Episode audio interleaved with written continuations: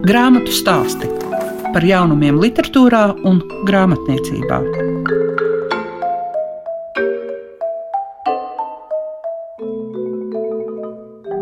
Esiet sveicināti visi tie, kas šobrīd klausās klasiku un grāmatu stāstus. Labdien, jums saka Liega Piešiņa, un mēs šodien raidījumā dzirdēsim gan Māju Miglu Streiču, jo viņai ir iznākusi jau trešā grāmata ar nosaukumu Sapnis par sargeņģeli, un ne tikai grāmatas vizuālajā noformējumā ir līdzības ar grāmatu Matildes gadsimts, bet arī viena no varonēm ir gana labi atpazīstama.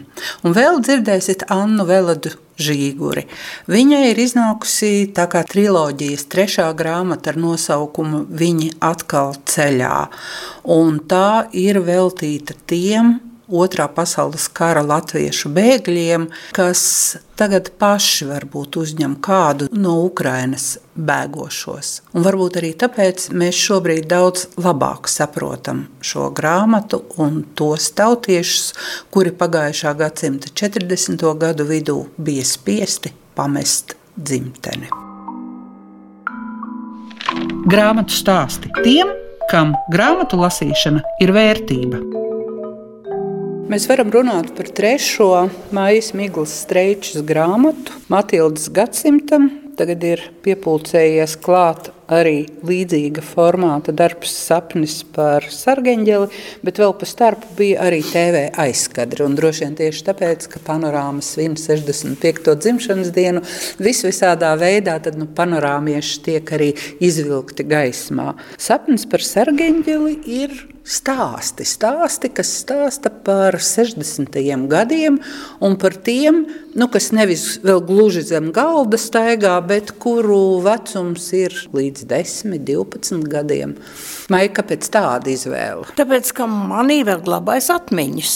Es ar tām atmiņām staigāju un es domāju, Faktiski es nedomāju. Es izjūtu, ka šīs atmiņas laužas uz āru, un tie, par kuriem es stāstu, tie faktiski ir mani līdzgaitnieki, mani klases biedri tajos 60. gados, sākot no 56. gada. Tā tad atmiņas laužas ārā, bet atmiņas iet arī paralēli Matildas gadsimtā. Arī bija šī maira, tā tad varbūt zināmā mērā es, un es turpinu šo pagājušo gadsimtu.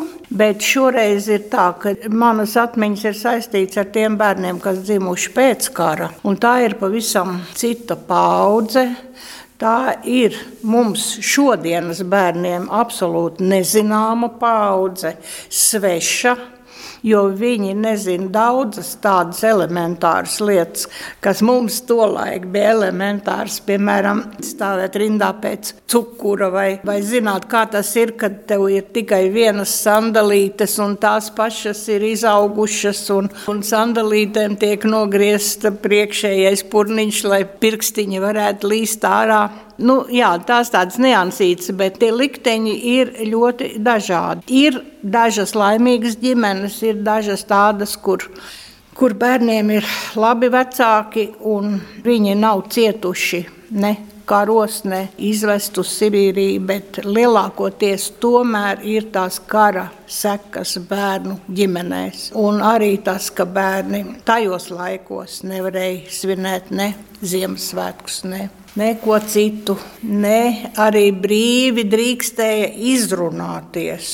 Jo mēs esam raduši runāt to, ko domājam šobrīd, pat vairāk nekā domājam, un, un nesmuki izrunāties dažreiz. Bet toreiz tas bija tā, mutīte bija jātur ciet, un tie, kas neturēja mutīti ciet, tiem grūti klājās. Nu jā, un tas viss kaut kur ritinot vienu bērnu likteni, es aizēju pie nākamā bērna, un tas liktenis atkal ritinās, un tur jau ir ģimenē traģēdija, un tur jau ir kaut kas tāds, kas tam bērnam sirsniņā atstāja diezgan liels rēts. Un šeit ir tā nelielā mistika, tas sargeņģelis, kas it kā ir mistika, bet no otras puses es tam ticu Un daudzi cilvēki tam tic, ka mums ir tie sargeņģeļi, kas sargā. Un viņš tur to savu, mēs viņu neredzam, bet viņš tur to savu spārnu. Viņš neļauj, lai mēs tajā brīdī, kad mums kāda nelaime var notikt, viņš mūs aptur. Viņš mums neļauj aizskriet uz to iepriekšējo lidmašīnu. Viņš mūs aptur kaut kā, un tā lidmašīna nokrīt. Nu, tā ir bijis, tas ir reāli. Ja lietas nenosauc īstajos vārdos, ja nepasaka to traģiku tik ļoti atklāti, tad tā ir tā kā mīkstināta. Ne? Nepaliek smaguma sajūta. Es nezinu, kāpēc man tā sanāk, bet man tā vienkārši iznāk. Jo es gribu, lai tomēr beigās tam bērnam, nu, es to varu gribēt vai negribēt, bet tā tas dzīvē ir, ka beigās tam bērnam, ja viņam ir tas sarkaņģēlis bijis, tad tas ir viņu pasargājis. Tomēr tā dzīve viņam virzās uz priekšu, un viss viņa dzīvē tālāk, turpmāk notiek. Un, lai arī varbūt viņam nav tās māmiņas, varbūt viņam nav mīļu vecāku, bet viņam atkal ir kaut kas cits dots, un tas sargendēls viņu ir pasargājis. Un jā, nu to stāstu izskaņā viss ir. Jā, es tā neiedomājos, tā es esmu uzrakstījusi, bet viss tomēr ir beidzies labi. Es gribu vēl atgriezties pie tā misticisma. Cik tu pati tam visam tici un cik tev tavā dzīvē ir nācies ar to saskarties? Es pati ticu. Es, piemēram, ticu tam sargeņģelim, es ticu reinkarnācijai, es ticu to, ka mēs pārtopam, ka mēs izdzīvojam šo dzīvi un dzīvojam nākamo dzīvi. Un tāpēc es arī savas grāmatas ievadā ierakstīju, ka visgrūtāk ir atgriezties bērnībā. Pēc tam jau nekas, bet bērnībā tu esi pakļauts cilvēkam, cilvēkiem, kuri ir tev dvēseles svešinieki, absolūti svešinieki.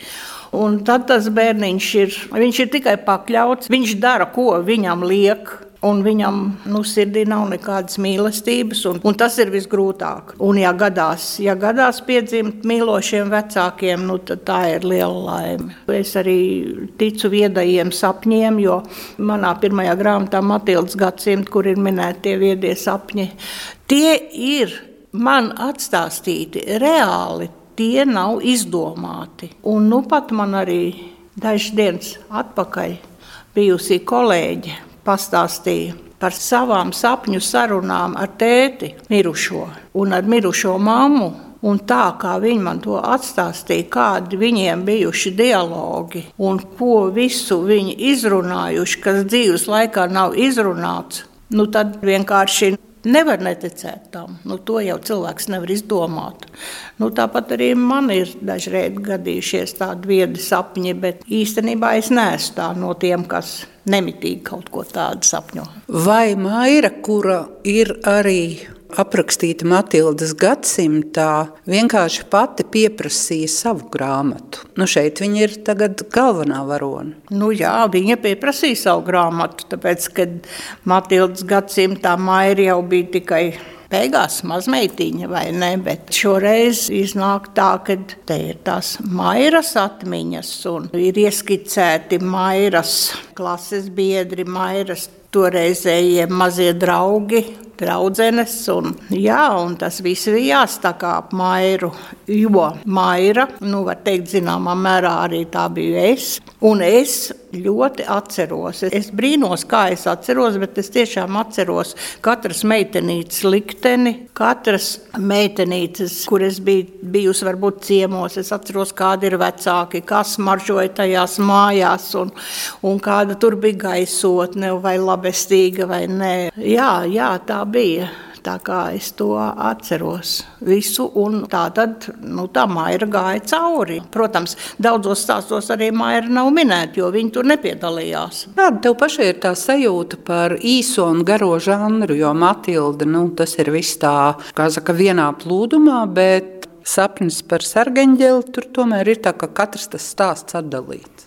Atklāt sakot, es viņu rakstīju vienā plūdumā, to grāmatu. Pēc tam mēs ar redaktori runājām, un viņa teica, ka tomēr tur ir arī stāsti, kuros maira vispār nav, un kur ir pilnīgi citādi. Tad kaut kā tika izlemts, ka būs atsevišķi stāstīņi, bet principā es gribēju plūdumā vienā.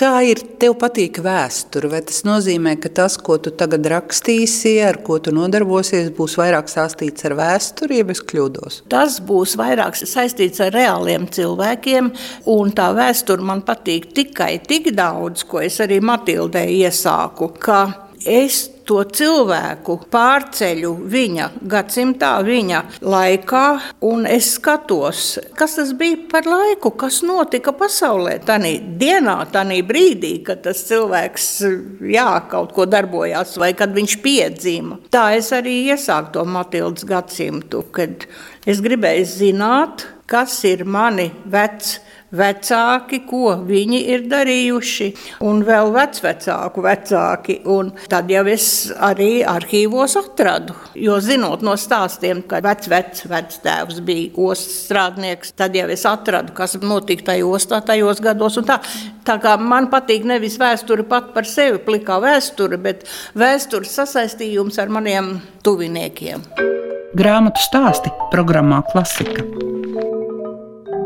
Šīs dienas grāmatas stāstos mēs runāsim par Annas Velēdas Žīguras grāmatu Viņa atkal ceļā, kas iznākus Latvijas mēdījos, un mums ir jārunā vispirms tā kā par triloģiju, vai ne? Nevis tikai par šo konkrēto grāmatu Viņa atkal ceļā.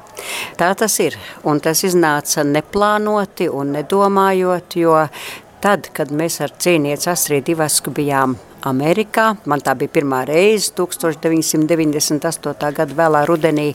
Es pirmo reizi saskāros ar mūsu bēgļiem, Latvijas bēgļiem, dzīvoju pie viņiem, pārnakšņoju pie viņiem un sāku klausīties un dzirdēt un sev par lielu pārsteigumu atklāju daudz ko jaunu, nezinām no viņu stāstiem, ko man likās, ka vajadzētu pastāstīt latviešu šeienas cilvēkiem, tiem, kas bija visu šo laiku nodzīvojuši padomju okupācijas apstākļos un nezināja. Jo, kā zināms, padomju okupācijas propaganda viņus nomelnoja mūsu bēgļus.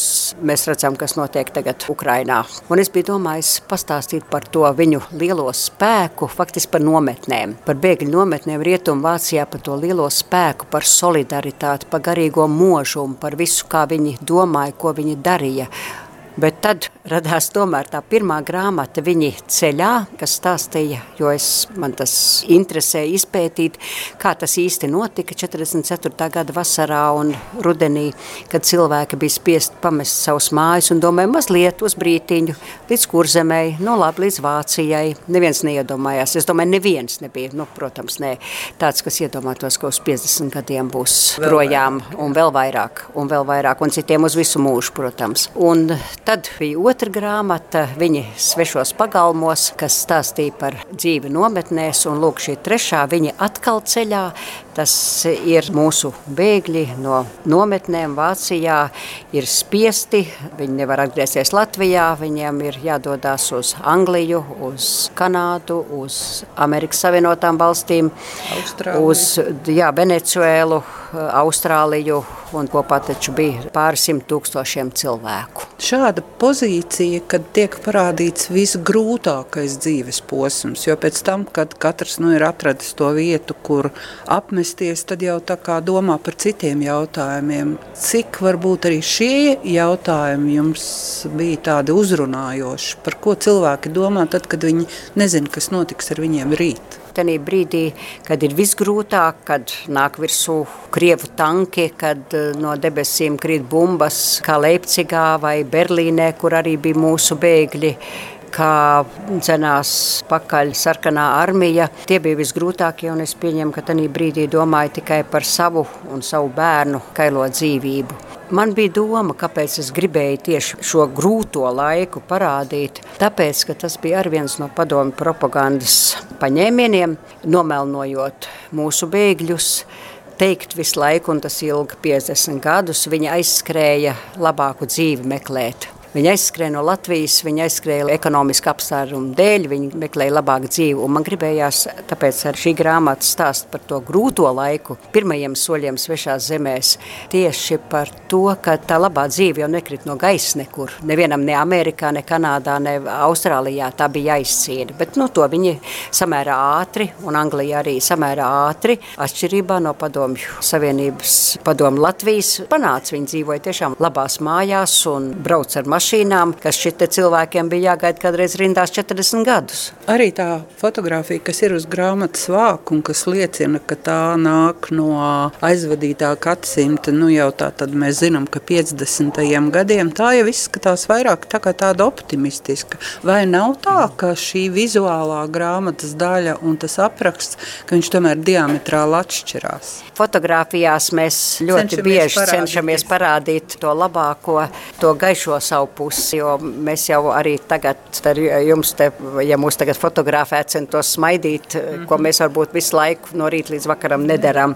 Bet šie jauni, jauni zēni, Juris un Jānis, kur tuvojās, viņi ieraug Amerikas krastu, viņi ieraug Ņujorku, viņi ieraug brīvības statuju. Tāda, nu, viņi uz tā kuģa ir nofotografēti un īsās biksītēs no Vācijas, kā tur Vācijā ar bija. Ticību. Ar ticību, kā tur Vācijā bija paņemts. Viņiem bija savādāk, viņiem bija savādāk. Viņi droši vien jau to, to Latviju bērnu uztveri savādāk, protams.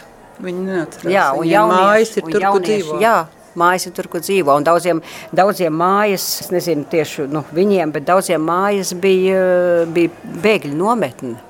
Un vēl pēc 50 gadiem daži no mūsu bēgļiem ir man teikuši, ka vislabākā dzīves daļa bija tie daži gadi bēgļu nometnēs. Viņu dzīves vislabākā daļa bija tur. Anna, vai mums nav arī jāprecizē, vai es jums varu tā pajautāt par dokumentalitāti, vai visi šie stāsti atbilst, kā saka, vēsturiski, vai tomēr ir arī tā literārā puse klāt un kādi ir savienoti? Nē, nu ir arī literārā puse neapšaubām klāt un daudz ir savienoti. Maz ir tādu stāstu, kas no sākuma līdz beigām ir viena cilvēka viena cilvēka stāsts. Viņu ir tik daudz tie stāsti un ļoti daudz ir līdzīgi. Tur ir, protams, ka savienot. Un, un eh, pirmajā grāmatā sevišķi ir arī tādi, kas ir pavisam bez tāda tieša dokumentāla materiāla, bet notikumu manī izraisīti. Vai ir tā, ka tieši tāpēc, ka ir 2014. gads Ukraina, tagad 22. gads Ukraina, vēl notikumi gan Āfrikā, gan vēl, tie jūs mudināja šādā skatā pievērsties? Nē. Es to nekad, tad, kad es sāku par to domāt un rakstīt, un sevišķi pirmās divas grāmatas, un šo grāmatu, kad es rakstīju, tātad viņa atkal ceļā, tad bija jau Āfrikas bēgļu strauma bija sākusies, bet ne jau Ukrainas notikumi. Tā vienkārši ir sakritība. Man gribējās pastāstīt mūsu cilvēkiem sākumā to, ko mēs nezinājām, ko no mums slēp, ko, ko mums aizliedz runāt padomju okupācijas laikā. Kur mums tagad kopsakarības jādara? Jā. Pastāstiet kādu no tām epizodēm, lai sajustu arī to gan rūgtumu, te ir tik, tik daudz. Nu, rūkums ir, bērnos nebija rūkums. Bet, protams, viens jauns zēns, kas ir 16 gadu vecumā saņemts vāciešu pasaukts, iesaukts gaisa izpalīgos, kurš ir nonācis tur vienā un otrā un trešā grūtā vietā, un kurš, kurš ir bijis angļu gūstekņu nometnē, kādreizējā angļu gūstekņu nometnē Eģiptē, un kurš ir bijis atkal bēgļu nometnē Latvijā latviešiem kopā, kurš ir pilnīgi viens pats. Viņam viss ģimene palikās Latvijā, ka viņai tāds, kur viņi ir, to viņš nezina. Un viņš brauc pa Suecas kanālu un, un dodas uz Austrāliju. Vai atkal kāda cita kāda meitene. Man liekas, viss traģiskākie jau ir tomēr nu, tagadējiem acīm raugoties tie brīži, kad cilvēki ir palikuši vieni paši kamēr ir kopā ar savējiem, tamēr nav tik, un sevišķi, ja ir visa ģimene, tad ir savādāk. Bet ja tu esi pilnīgi viens pats, ja, ka tev viss ir pazudis, ja mājas, dzimtene, savējie apkārt nekas nav. Kā bija ar jūsu ģimeni un jūsu tiem stāstiem? Jūs par tiem zinājāt? Kad jūs par tiem uzzinājāt? Nu, es zināju tikai to, ka mums ir radi Amerikā un Itālijā, bet tie nebija, tie nebija tā bēgļi tādā nozīmē, bet Amerikā tie bija vecās mātes brālis ar, ar savu ģimeni un viņa pēcnācēji tie bija, bet es jau nezināju viņu stāstus. Tos es eh, arī pati vēlāk, 90. gadu beigās, tikai viņus pirmo reizi satikdama uzzināju. Vai tie ir arī grāmatā? Daži ir, jā. Izskan grāmatu stāsti. Šīs dienas raidījumā dzirdējāt Maiju Miglu Streiču par viņas jaunāko grāmatu sapnis par sargeņģeli, un arī Anna Veleda Žīgure atklājot grāmatas Viņi atkal ceļā, piedzīvojumus un pārdzīvojumus, stāstīja par jaunāko savu grāmatu. Visu labu jums saka Liega Piešiņa. Grāmatu stāsti par jaunumiem literatūrā un grāmatniecībā ik trešdienu, 9.5. ar atkārtojumu Svētdien, 18.15.